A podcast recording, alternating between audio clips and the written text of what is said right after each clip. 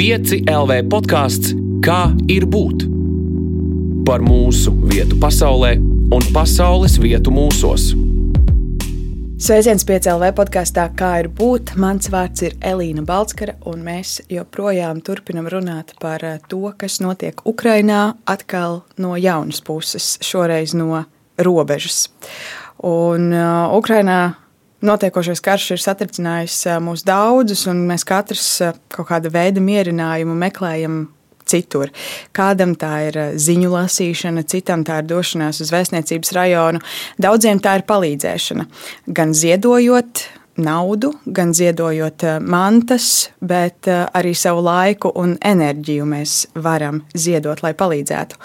Un eh, ir cilvēki, kuri palīdzēšanu organizē ne tikai te uz vietas Latvijā, bet arī kāpj savos auto un dodas uz to fronti, kas ir vistuvākā pašai kara darbībai, tā ir uz Polijas un Ukrainas robežu par to, kā ir būt tur uz vietas un palīdzēt tiem, kuri glābjas. Šodien runāšu ar Jāni Dzērvi, kurš nu jau vairāk kārt ir devies garajos pārbraucienos uz Polijas, Ukrainas robežu.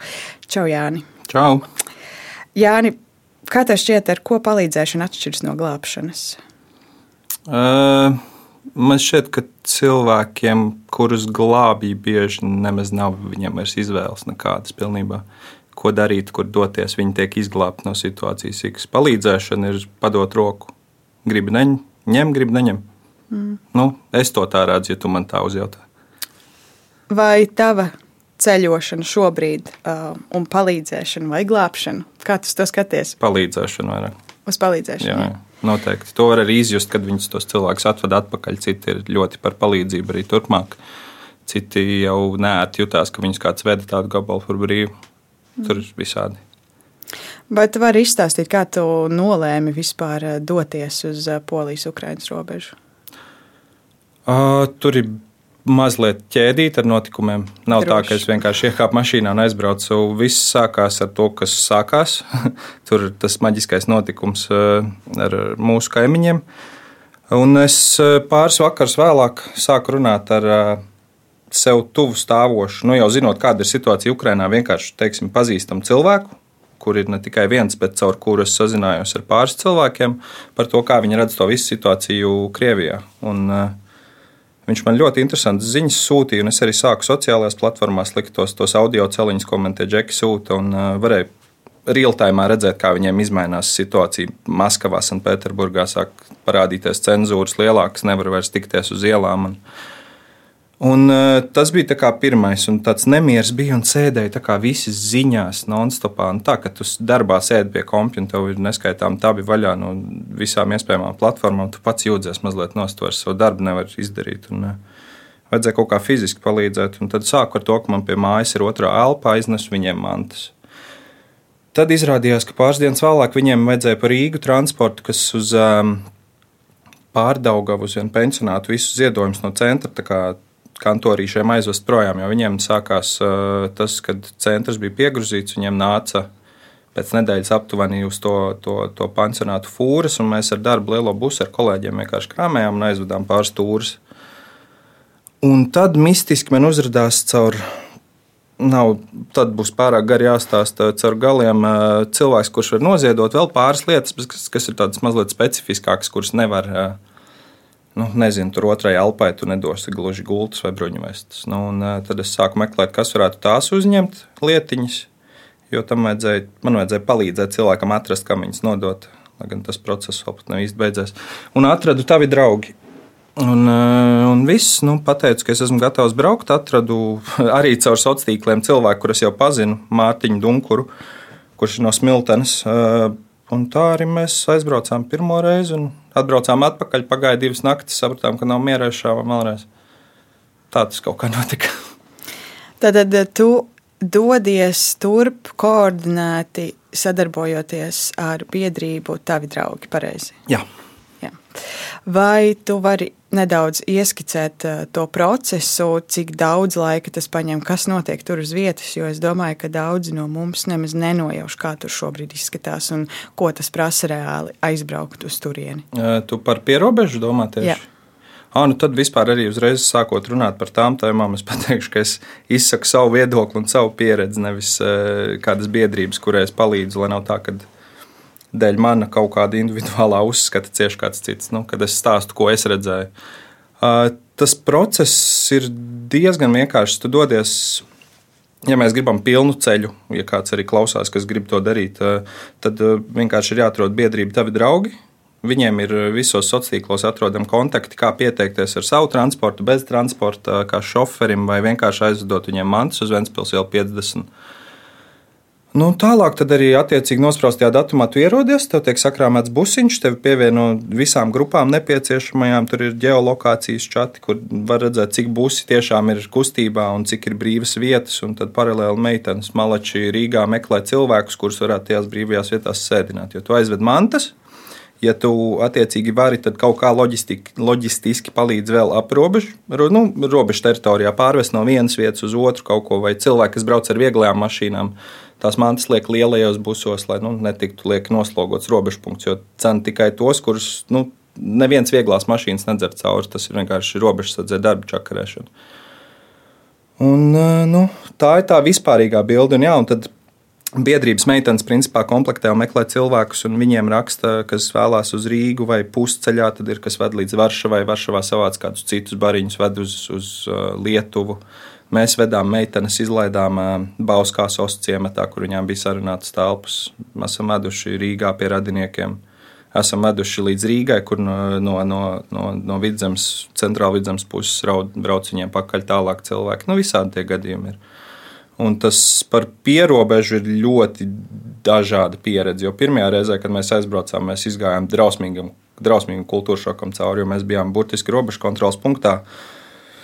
Un mēs redzējām kilometriem vienkārši līnijas ar nu, rindas ar autobusiem, un garām iet tūkstošiem cilvēku. Tur skati tādi, ka septiņgadīgas meitenītes, trīsgadīgas puisīšas pie rokas ved, un neviena, neviena nav vienkārši. Un, uh, es arī līdz šim esmu atturējies. Es ne, visiem teicu, ka es negribu baigt par to runāt. Visādi var būt. Tā, tā, tev dziļāk jābakst, ja tu gribi, lai es stāstu kaut ko, bet uh, runāt, runāsim. Es uh, noteikti viņu pabakstīšu, cik tu ļausies. Vai tev tur esot un ieraugot to situāciju, kādā brīdī bija baila? Nē, tas nav tā. Tā ir citāda sajūta. Nav par ko tur baidīties. Pats jau zinu, kur brauc. Un tajās reizēs nu, mēs tur esam. Tā līdz, es tagad negribu samalot, bet līdz šai svētdienai tā puse, kas ir pie Ļuvijas, kas ir tā tuvākā Ukraiņas pilsēta, tur bija relatīvi droši. Mēs pēdējā braucienā, kas sanāca trešdien, ceturtdien, piekdien pagājušās nedēļas, mēs bijām fiziski arī iebraukuši Ukraiņā pārkrauties kaut kādus 2-3 km. Nekas vispār nozīmīgs. Un es negribu samalot, bet man šķiet, ka nākamā pēc divām dienām vai pēc dienas, svētdienā, tajā 18 km no tā punkta bija uzlidojums. Nu, nu, tā vienkārši ir. Protams, ka eh, neviens tev ar varu nespiež nekur braukt. Tu vari aizbraukt līdz, līdz polijas pusē, izkrauties, bet nav tā, ka tur kāds vispār tiktu dzīts kaut kādā kara darbības zonā. Visu to periodu, kamēr tā biedrība tur darbojās, es tiešām nezinu, kā tagad ir. Bet visa tā pierobežas puse bija tiešām nu, relatīvi, nu nevis relatīvi, bet tur, tur nebija tādi kara draudi. Vienīgais, kas tur bija, tur visiem cilvēkiem viss trūkta vai tajā ļivā, ļivā es atvainojos. Jo mums um, tie ukrāņi no tās puses teica, ka nu kā, nu tā, ir, tā ir tuva liela pilsēta Polijai. Nu visi, kas varēja sabeigt tur, dzert nav ko, ēst nav ko. Nu, tur tā divējādi. Bet es tieši vairāk laikam domāju arī ne par tādām tiešām bailēm tajā brīdī par savas dzīvības, piemēram, apdraud, mm. apdraudējumu vai kaut ko citu. Bet daudzi baidās arī esot šeit, pilnīgā drošībā no situācijas kopumā kā tādas. Nu, bet tas jau kašam, katram pašam jāizvērtē. Tur jau es nevaru kaut kādu katra kompasu palīdzēt noregulēt. Nu, kam kāds, ir bail, tam ir bail, tas baidīsies. A, ko mēs izdarīsim? Ja būs, tad būs. Nebūs, nebūs. Mm. Nu, tu viens cilvēks to nevar iespējot. Kas ir tā tava motivācija? Negulēt tās naktis, braukt, kas tev motivē šo darīt? Man ir pieredze mētāties pa, pa Eiropu pārsvarā garas stundas. Es vienkārši zinu, ka es to fiziski varēju izdarīt. Nu, man bija iespēja dabūt transportu, un man ir, ļoti jauki, jauki cilvēki apkārt, kas mums ar Mārtiņu palīdzēja ar dīzeļdegvielu, kas zinot tagad tās cenas, ja tu nobrauc vienā braucienā vismaz 2,5 tūkstošus, nu tad ir kā ir. Kaut ko paši metāmies, ļoti, ļoti jauki atbalstīt cilvēku. Vienkārši tas, ka man opcija bija tur doties, man, man atļāva gan pat laban laiks darbā, gan situācija ar transportu, ar visu, nu kāpēc ne? Nu, es nezinu, nu, tu zini, es nāku no cēsīm, mēs esam Es neesmu ne kaut kāds milzīgs nacionāls vai kaut kas tamlīdzīgs, bet nu, mēs nākam no Latvijas pilsētas. Man vectētiņš piedzīvoja visu prom sūtīšanu un tā tālāk. Es nezinu, man liekas, ja cilvēki ir nelaimēji, tu vari palīdzēt, jāpalīdz. Tā noteikti ir. Kas tevi varbūt ir uh, visvairāk saviņojis šajā procesā? Ir dienā, kad mēs šo ierakstām, nu jau ir 20. Eh, diena pagājusi kopš ir eh, sācies karš Ukrajinā. Un 20 dienu laikā mēs daudz ko esam piedzīvojuši. To es piedzīvoju eh, arī ļoti tādas īpašas pieredzes, kas tev ir saviņojušas šajā visā. Es domāju, ka nebūšu īstais, kas atbildēs uz to jautājumu, jo mums arī ar mani līdzbraucēji tāds nemieris. Tu atbrauc atpakaļ, paiet divas, trīs dienas, gribās. Nu, ja tev ir iespēja, tad jābrauc. Un, uh, Gan jau mums būs trešais brauciens, bet man vēl nav tāds miera stāvoklis ieslēdzies. Es, es nemācīšu atbildēt, man nav. Pagaidām vēl tur darba ir tik daudz, ka var visi palīdzēt, kā var. Un kas tev ir pārsteidzis tajā, ko tu redzēji? Kopēji cilvēku atsaucība pagaidām, kas ir principā kaut vai tās pašas nevalstiskās organizācijas, kuras varbūt sākumā cilvēki sauc par kaut kādiem pašdarbniekiem, un uh, varbūt sākumā arī tas viss bija diezgan liels haoss, bet tas, cik tādi cilvēki un grupiņas spēja sakoncentrēties un arī atrauties no savas īstās dzīves. Un, nu, es arī redzēju tajā pirmajā reizē, ka, nu, ka valstiskas instances nevar tik ātri norēģēt, lai tiem tūkstošiem, tiešām desmitiem tūkstošu cilvēku palīdzētu. Tad, nu, cepuri nos tiem, kas, kas ar savu brīvo laiku to visu dara un kustina un ņemās katra palīdzēšana prasa, nu, tā ir ziedošana, principā, tu ziedo vai ne. Varbūt pat ne finansiāli, kā mēs esam pieraduši domāt par ziedošanu. Ko tu ziedo, no kā tu esi atteicies savā ikdienā, lai palīdzētu? Nu, man tiešākais būs tiešām vienkārši brīvais laiks. Nu, man viņš tā, tieši tāpēc, ka arī dēļ tā, ko es, ko es nodarbojos, man ir tāda mazliet, mazliet starpsezona, un man ir tas, ka es varu izrauties uz tām trim dienām. Un, Laikam jau es vienkārši ziedoju to, ko man parastā gada griezumā vajadzētu tērēt, lai atpūstos. Jo pēc tam atkal nāk pašam milzu darbi un uh, daudz negulētas naktis un tā tālāk. Tā kā savas uh, somiņas zem acīm ziedoju, teiksim tā. Uh, Tu teici, ka tu, esi, tad, tu aizved mantas turp un mm -hmm. tu veidi atpakaļ cilvēkus. Mm -hmm. Cik daudz cilvēku tu esi kopā vedis? Mums divos braucienos sanāk kopā ir atvest 11 cilvēku uz Latviju. Kādi ir šie cilvēku stāsti? Ui, tur bija, es teikšu, godīgi. Um, nu, Ukrāņu bēgļi, ja ir jaunāki cilvēki, tad, jā, protams, runā angliski. Pirmajā braucienā mums bija tādi cilvēki. Uh, bet tomēr pārsvarā saziņa ir uh, Krievijas valodā, un tā stiprā puse ir uh, man līdzbraucējiem Mārtiņam. Tad viņš ar viņiem plāpāja, un es pa vidu ar viņiem centos plāpāt, bet uh, tie stāsti ir dažādi. Ir kas bēdzis, ir jau pa cauri, cauri visai Ukrainai ar vilcienu braukuši tur 1100 km. Un, uh, Ir kas ar bebiem rokā stācijā 16 stundas stāvējuši kājās, un, un, un ir kas tur no tās pašas Ļuvijas, tās tuvējās pilsētas uz robežas dodas, jo saprot, nu, ka te vairs īsti nav ko darīt. Visādi pieredzes arī tajos pašos 11 cilvēkos, bet uh, mums uh, pārsvarā mums ir izveidojusies ar Mārtiņu tāda sadarbība ar vienu noteiktu meiteni no tās biedrības, un viņa mums pārsvarā piespēlē, nepiespēlē, tas ir, nav jaukākais vārds, bet uh, mūs koordinē un saved kopā ar māmiņām, ar bērniem. Mēs ar Mārtiņu pirmajā reizē atvedām trīs mammas un trīs bērnus, un divi no tiem bērniem bija zem gada vecuma. Un tad uh, otrajā braucienā mums bija četras, četras meitenes. Un, un arī viņām de, nu, līdzi bija puika, septiņgadīgs. Nu, mēs tādas vairāk meitenes, sievietes, māmiņas vedā, vedām abas reizes. Mums tā sagadījās. Un, Viss vienmēr laimīgi. Kas ir traģiskākais, ko tu esi dzirdējis? Traģiskākais? Es, es godīgi, es baigi sekoju visam tam murgam, kas notika ziņās, pirms es visam šim pieslēdzos, bet eh, braukšana tur bija labs veids, kā atslēgties no tām ziņām. Es vairs nelasu, es palasu, nu, the big picture, kā saka, es paskatos, kas tur valstiskos līmeņos notiek, bet uh, es kaut kā bišķīt mēģinu no tā atslēgties. Ne tāpēc, ka man neinteresē, bet tāpēc, ka es saprotu, ka nu, vienkārši uzsūcot to visu, es neko baigi nevaru palīdzēt, tikai var stresot. Tāpēc, es, eh, nu, kad varu, mēs braucam, palīdzam, darām Rīgā. Šonadēļ palīdzēšu uh, vienai ukrāņu ģimenītei, kurai ir atrasts dzīvoklis, vedīsim viņiem gultu ar busiņu, ar televizoru. Nu, es vienkārši daru, jo sēdēt, lasīt, tur var aiziet pa fāzēm ātri.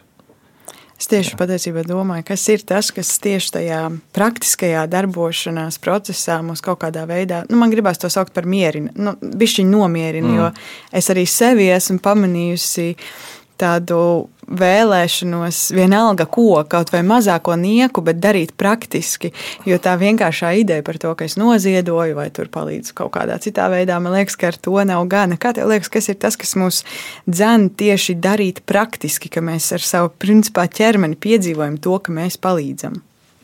Man liekas, ka cilvēks tā programmēts. Kāpēc cilvēku uz zāliet?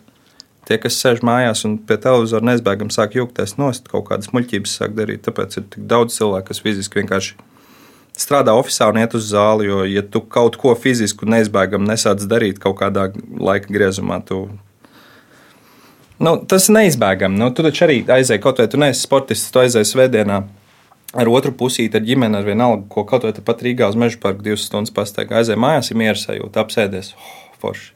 Nu, viss. Mm. Tur tā, tā cilvēks programmēts.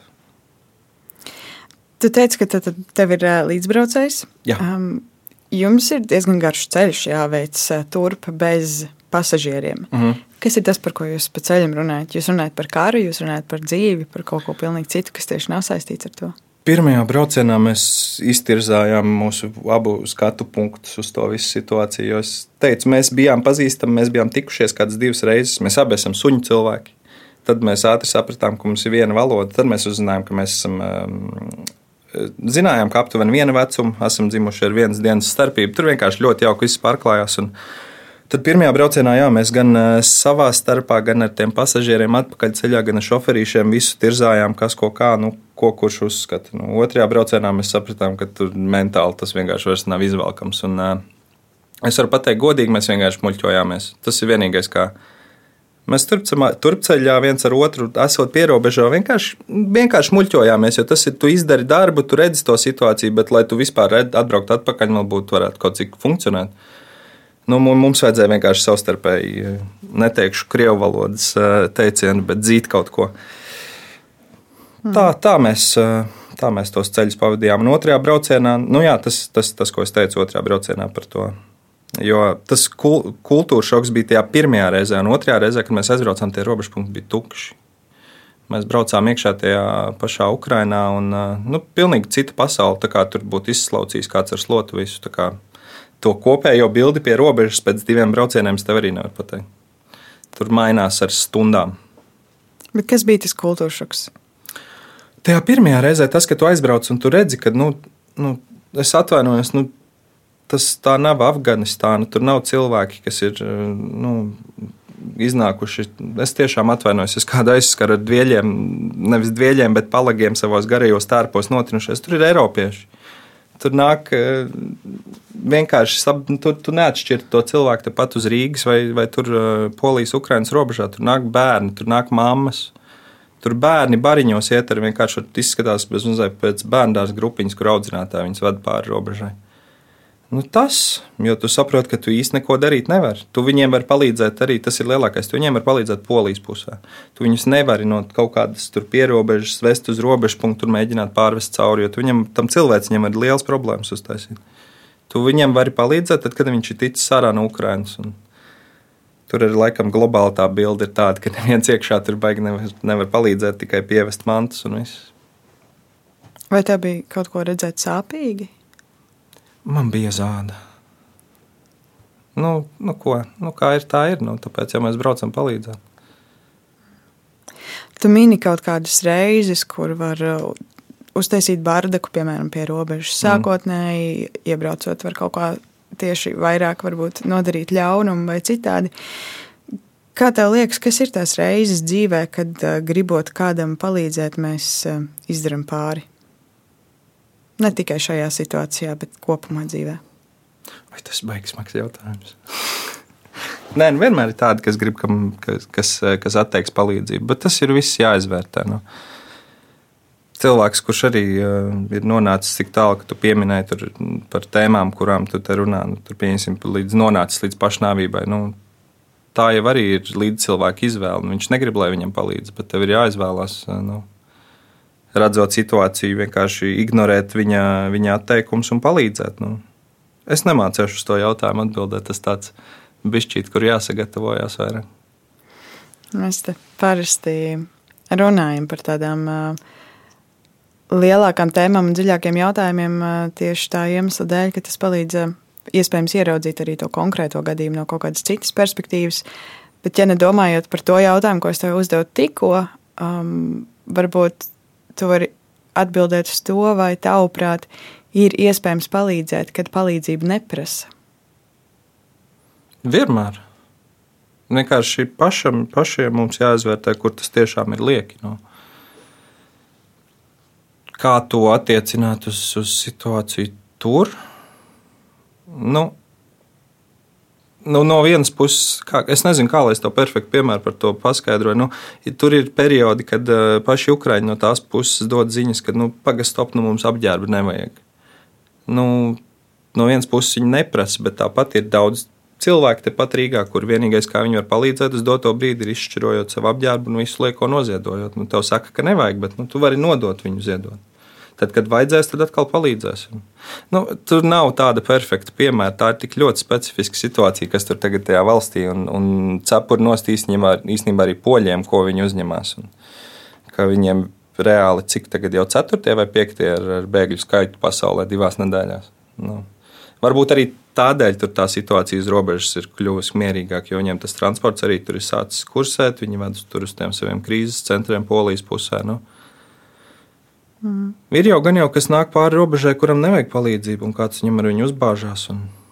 Gan jau tādi gadījumi arī ir. Neizbēgam pie robežā arī visādi, atvainojos par franču valodu, kretīnu parādās. Visādi stāstīņi dzirdēti tajā pusē. Nezinu. Jā, tu piemini to skaitu. ANO bēgļu aģentūras dati tās aplēses skaidrs ir, ka krīze Ukrainā varētu atstāt eh, bez pajumtes 12 miljonus cilvēku. Tas ir um, ārprātīgi liels skaits, mm. ko droši vien mēs Latvijā ar saviem nepilniem diviem miljoniem mums pat ir grūti iedomāties. Man šķiet, ka viņiem vispār tagad jau iz, nu, bēgļu skaits, kas ir pametis Ukrānu, jau pārsniedz mūsu iedzīvotāju skaitu Latvijā. Jā. Tas, tā it kā tu aizbrauc un tajās pilsētiņās tur uz vietas visa dzīvība notiek, nu, tur tie karstie punkti ir, bet kur, tie, kur tā visa jūra paliek? Nu, zinu, kad ir stāsti, ka viņi čupām bēg uz Varšavu un vienkārši sēž centrā un nav ko darīt. Nu, tad, ir, tad ir kas izmanto kaut kādas iespējas, kamēr parasti, nu, ja braukuši ar mums, ir, tad nu, tur ir vismaz viens jaunāks cilvēks bijis ar internetu, kaut kādu pieeju, kaut ko meklējis, kur var doties, ko darīt. Jo tur ir jūra vienkārši, kas dodas iekšā polijā, ko tālāk nezinu. Es baigi gāju laikā pa tēmām, bet. Nu. Es atbildu pats, ko es gribu. Redzot, man uzdod jautājumus, es parunāšos, ko es gribēju. Nē, tas, ir, tas ir ļoti labi, tāpēc jau šī ir saruna. Mm -hmm. Sarunas ir dzīves un kustīgas. Es arī nedaudz palēkāšu. Tu minēji par to mantu nešanu, piemēram, pat tad. Ja pasaka, ka šobrīd, piemēram, drēbes nevajag, mēs tāpat tās izšķirojam mājās, kas ir un aiznesam. Kā tev liekas, vai tajā palīdzēšanā citam, cik liela daļa ir? Ir palīdzēšana pašam sev.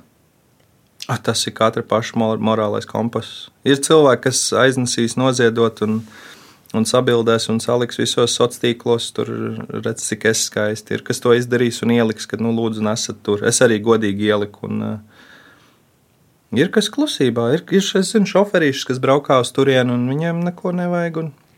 Kaut kur degvielu paši ir dabūjuši, vai tāds ar biedrību ir dabūts. Vai, Pēc tam man pazvana, paprasa, vai kad brauks atkal, vai negrib kopā braukt. Viņiem nevajag nekādu atsaucību, bet ir arī. Man liekas, ka tie, tas gandarījums vai tās sociālās tīkla lietas ir aizgājušas vairāk no tādiem cilvēkiem līdz 35, kas mēs skaitāmies Latvijā modernā paudze. Tie, kas ir pāri, tie, tie varbūt jau atcerās kaut kādus citus laikus, kas ir 40, 50 gadīgi vecāki, arī šoferīši bija redzēti, kas ir vienkārši atcerās mazliet kaut ko citu, ko mēs esam piedzīvojuši. Un viņi saprot, ka jādara. Nu, viss. Tā. Es pat aizmirsu jautājumu. Es domāju par to, cik daudz mēs palīdzam paši sev, palīdzot citam. Uh, tas, man liekas, pat nav tik daudz arī vienmēr par uh, tādu savu labo darbu atrādīšanu, ja tā Jā. mēs to varam saukt. Bet uh, es palīdzu sev justies mierīgāk caur to, ka es Jā, palīdzu. Tas viss ir citam. process, man liekas. Arī tā pati man šķirošana. Tu zini, ka tev tas darbiņš bija jāizdara pašam sev. Tu viņu var apvienot ar kaut ko labu. Nezinu, tā ir tāda ķēdes reakcija. Tu sāc darīt, un tad tu vienā brīdī vari saprast, ka tev patīk to darīt, un to dari aizvien vairāk. Kāpēc ne?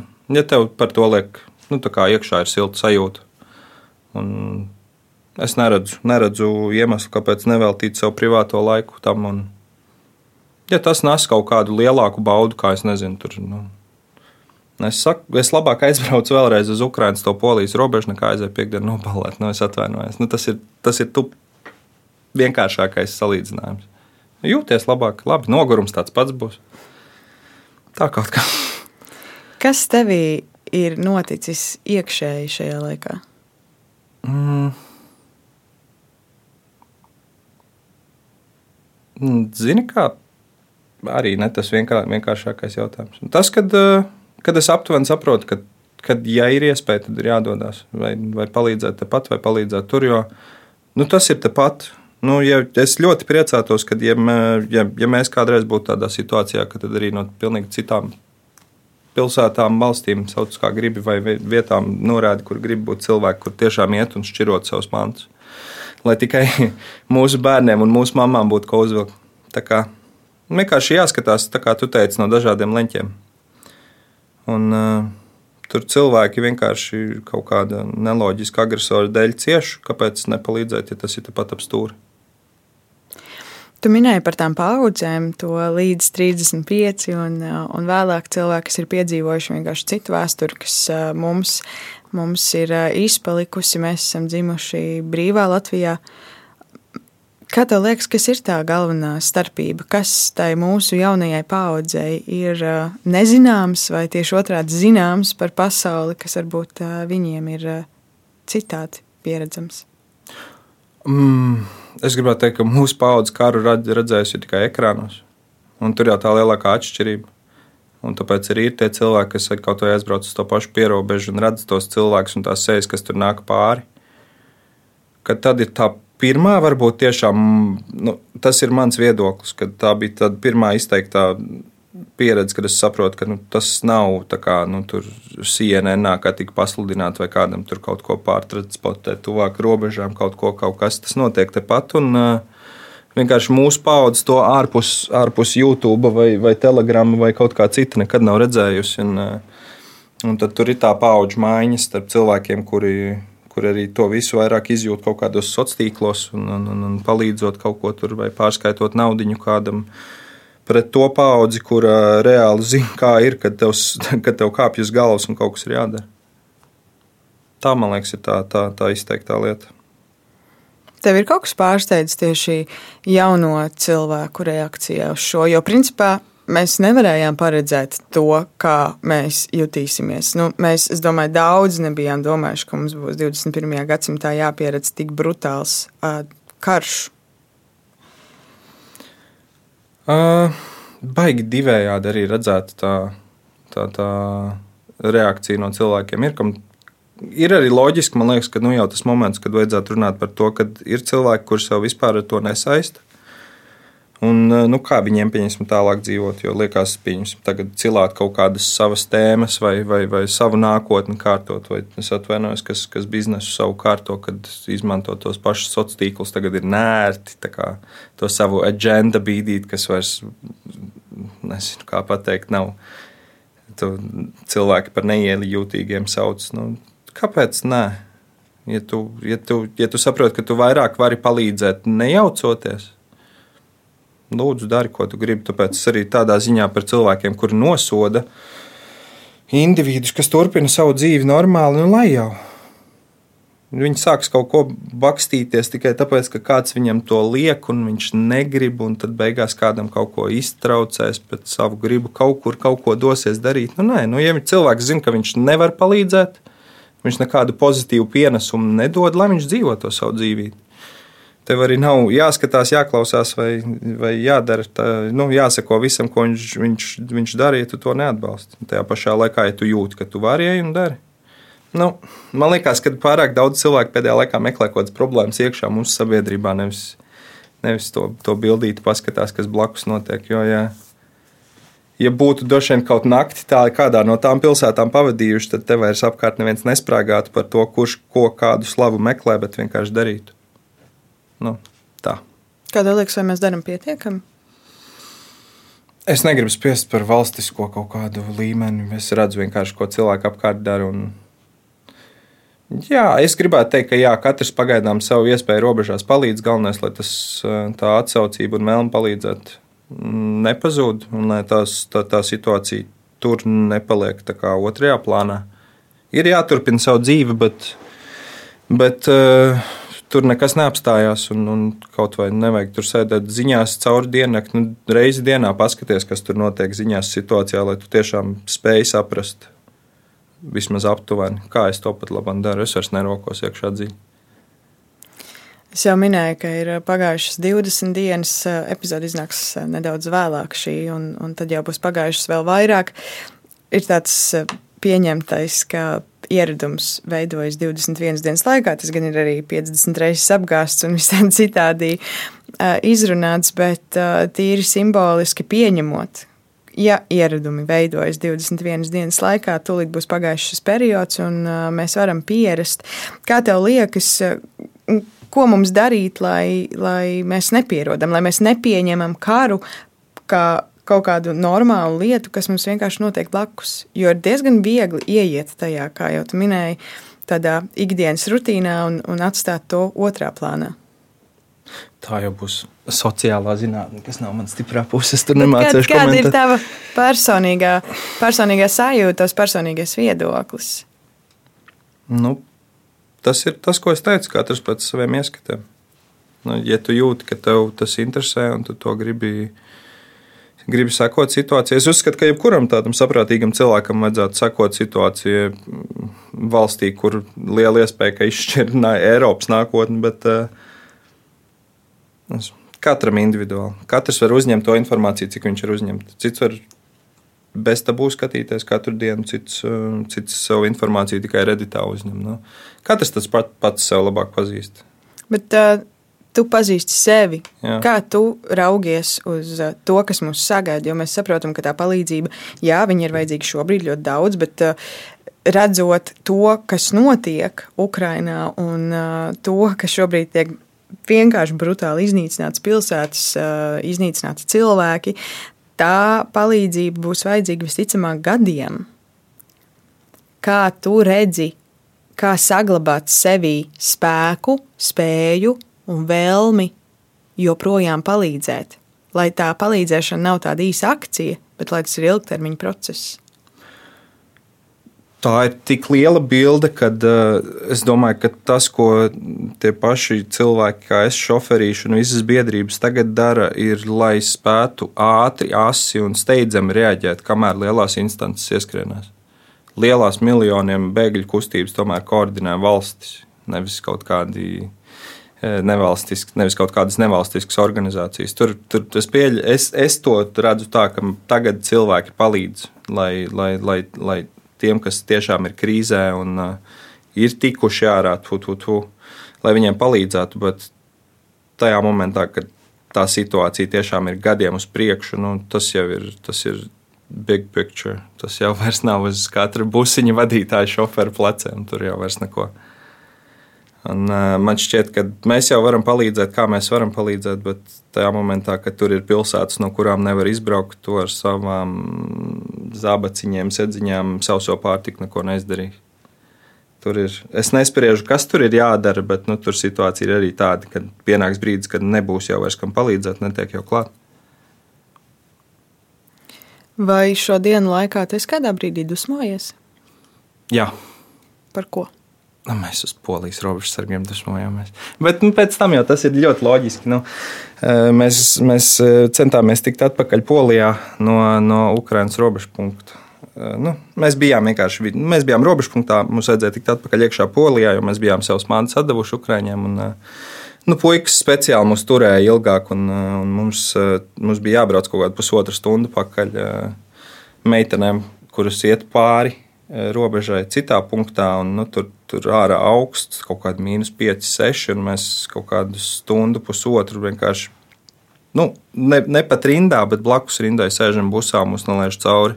Nu, tad bija dusmas, bet nu, cilvēks arī darīja savu darbu, nu, viss kārtībā. Cauri tikām. Un, ja mēs nedomājam tikai par to, kas ir piedzīvots robežā, bet uh, par situāciju lielo bildi, par to, kas notiek šeit, par to, kas notiek visās mūsu kaimiņu valstīs, tu to esi sajūtis dusmas, vai ir kāda cita emocija, kas tevī dominē? Nē, man, man par to nav dusmas. Nu, lielo bildi par savām, es indivīds ar savām dusmām nevaru iespaidot. Es sapratu, ka es to enerģiju labāk novirzu kaut kur citur. Tā arī notika tā pirmā braukšana. Jā, Bet patiesībā pareizi pajautāja. Man bija dusmas pirms es pirmo reizi aizbraucu. Vienkārši nezināju, ko darīt. Un sapratu, ka velti to laiku patērēju, sēžot internetā, un nekas nemainās.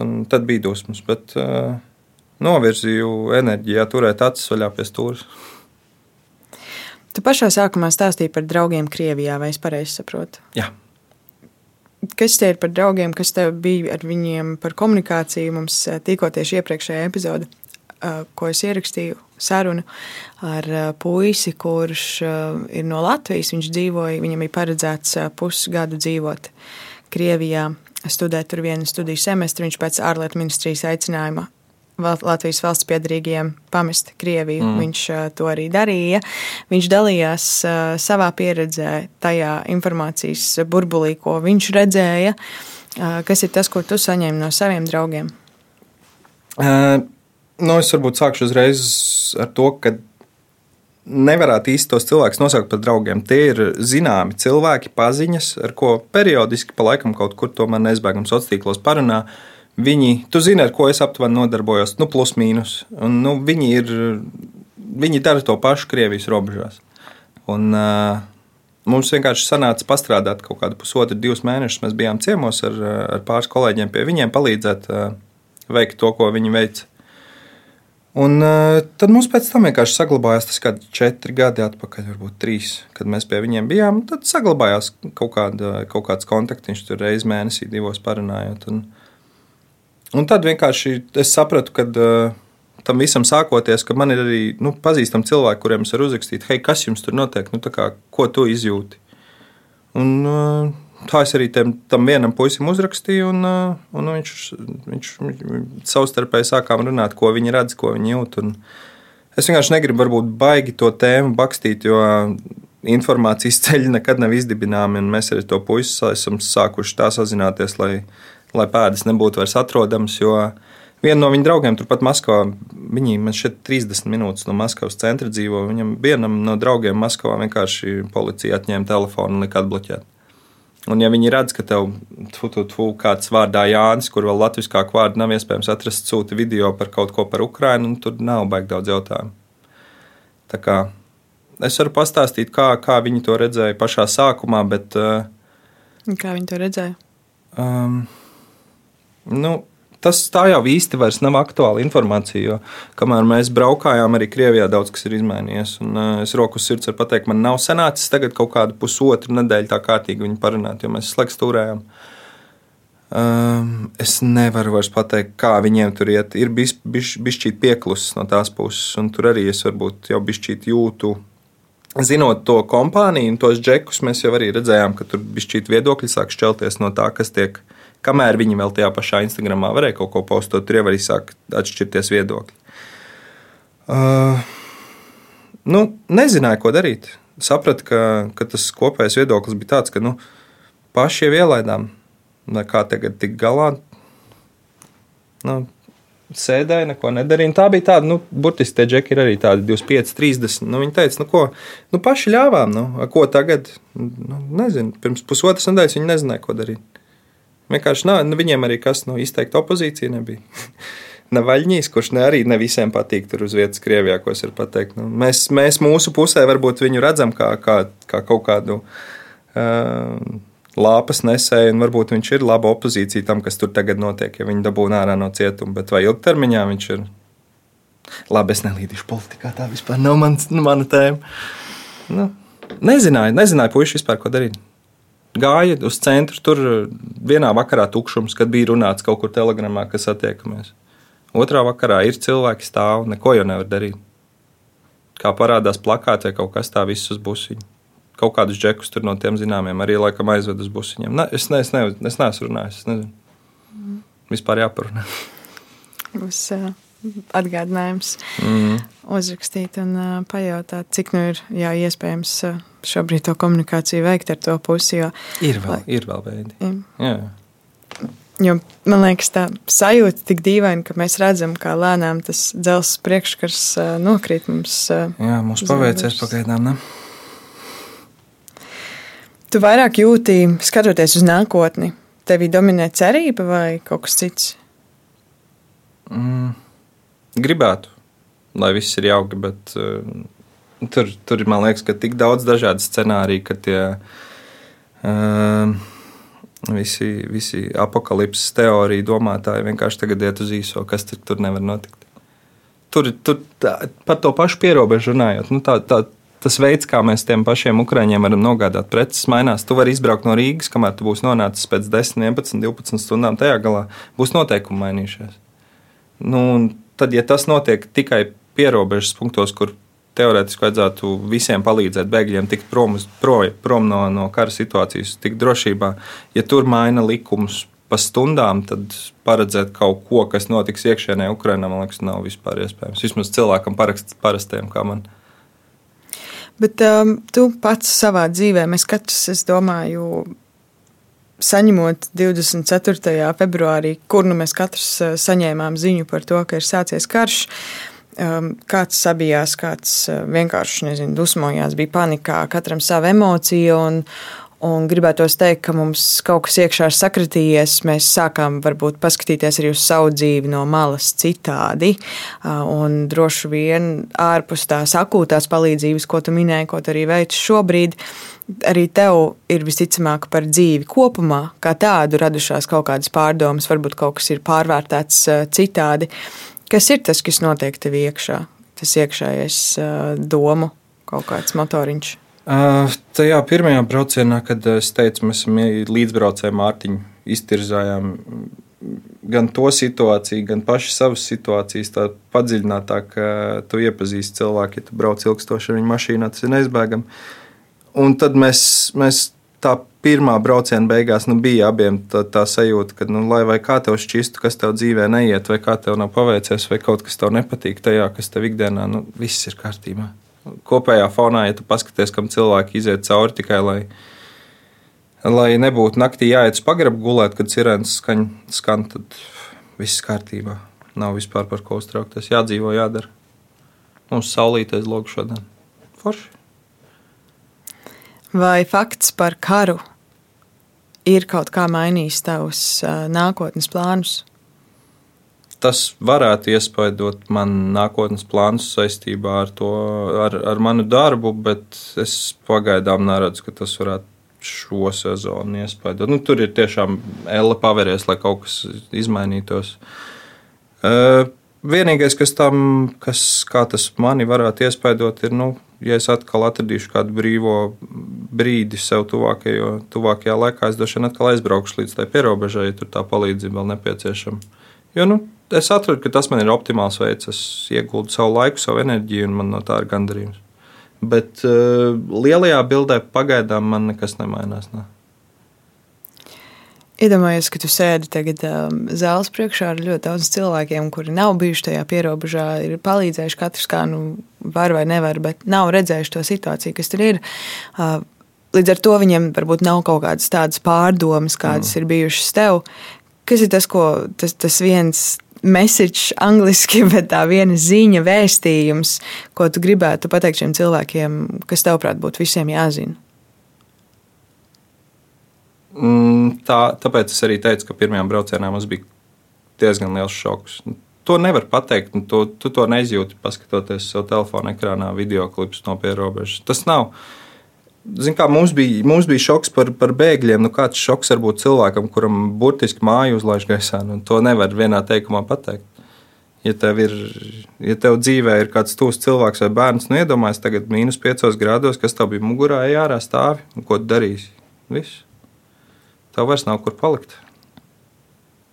To nevar īsti. Es, es nebūšu tas, kurš varēs to tā pasniegt. Tas vairāk uz, uz izjūtām. Ko par to, ko tu dari, saka tavi draugi? Atbalsts. Kāpēc ne? Viss kārtībā. Es, eh, es domāju, ka, ja man kāds tūs stāvošs cilvēks kaut ko, nu, Gribā, gribētu negatīvi teikt uh, par to situāciju, kas tur notiek, vai kaut kāda cita veida atbalstu citai pusē, tai, tai, tai, tajā, tajā, kas tur notiek. Uh, gribētu izteikt, tad viņš man vairs ir ilgi nebūtu tūs stāvošs draugs vai cilvēks, sauc kā grib. Nu, man apkārt nav cilvēku, kas, kas tajā, ko es daru, vai ko, ko biedrības, vai ko, ko valsts saka mūsu un atbalsta, kaut ko sliktu saredzētu. Es sevi ar tādiem cilvēkiem īsti kuri būtu pret kaut ko tur, nesmu aplencis. Man nav tādu tuvu stāvošu. Vai tev liekas, ka šī situācija vispār mūs vairāk savienos Latvijā vai sašķels? Neizbēgam. Neizbēgam kurš? Neizbēgami savadīs to. To jau es atkal gribu ar politiku bakstīties, kuras vispār neko nesaprotu, bet labāk nē. labāk nē.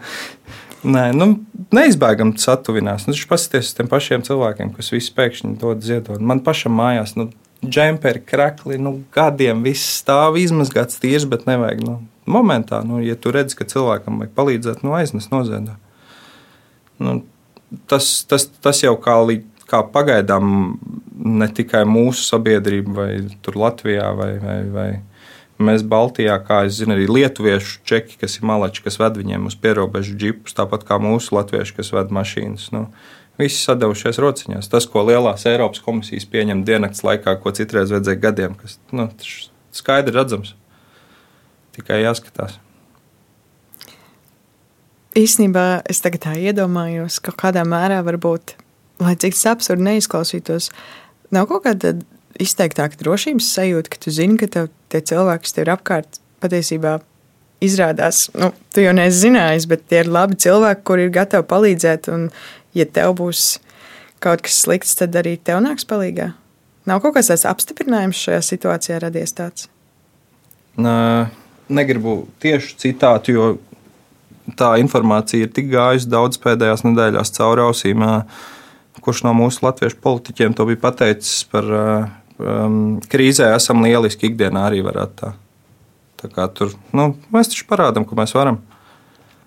Tāpat kā nu, cerams, ka uh, nenonāksim līdz situācijai, tas, ko es teicu. Nu, jādara viss, ko tu vari izdarīt, lai, lai, lai, lai, lai apgrieztās situācijās tev, tu, tu sajustos tāpat. Nu.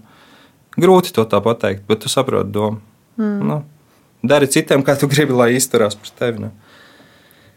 Un tad ir tādi lielie kaimiņi, kas ļoti labi parāda, ka, kā grib, lai pret viņiem izturās. Jā, kad tu brauks nākamreiz? Bišķīt jāpanāk darba lietas, bišķīt tas iekavējas, bišķīt pateica, ka paņemšu atvaļinājumu un tad mēģinu šonadēļ sagrābt. Bet, nu, nu neizbēgami gribās vēl, gribās vēl aprīlī varbūt vēlreiz paspēt. Tos pirmos divus trakos braucienus mēs iespējām vienā nedēļā. Nu, stulbi jau teikt, bet arī bija pašam savas lietas, privātā dzīve, darbiņš bija jāsakārto. Man arī tuvojās uh, siltā sezona, kas man ir darba ziņā uzreiz daudz piebāztāk, un uh, tā var sākties. Tagad ir marts, aprīļa vidū var sākties. Tāpēc, nu, pēc iespējām, bet ļoti gribētu.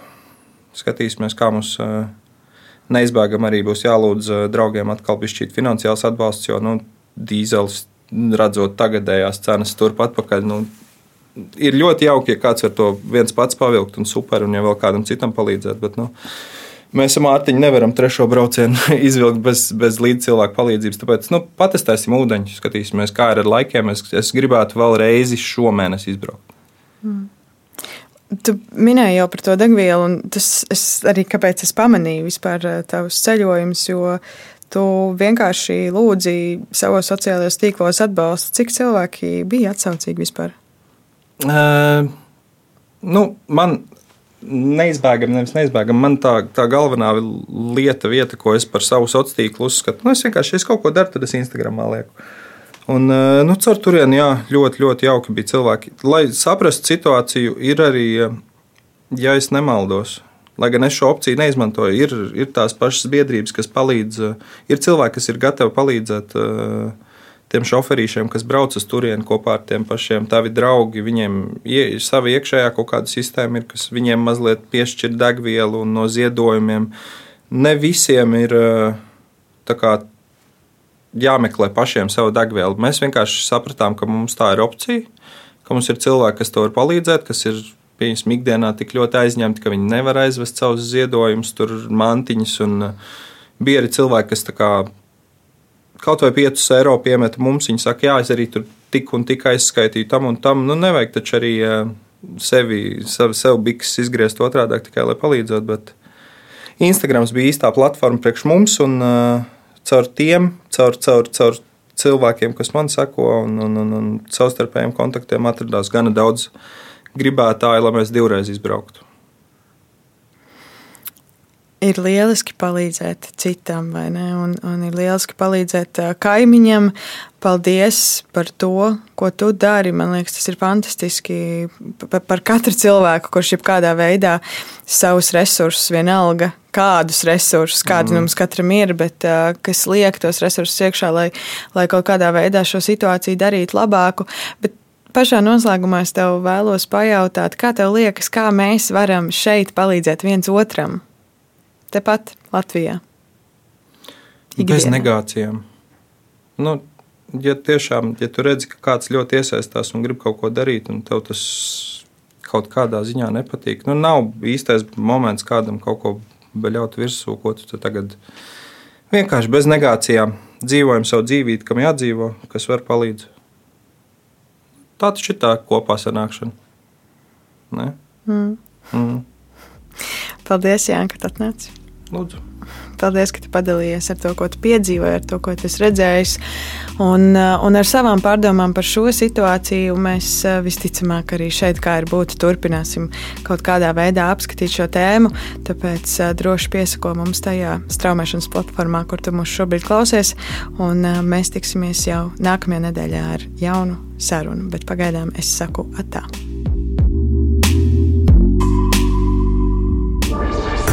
Projekts tapis ar Eiropas parlamenta finansiālo atbalstu.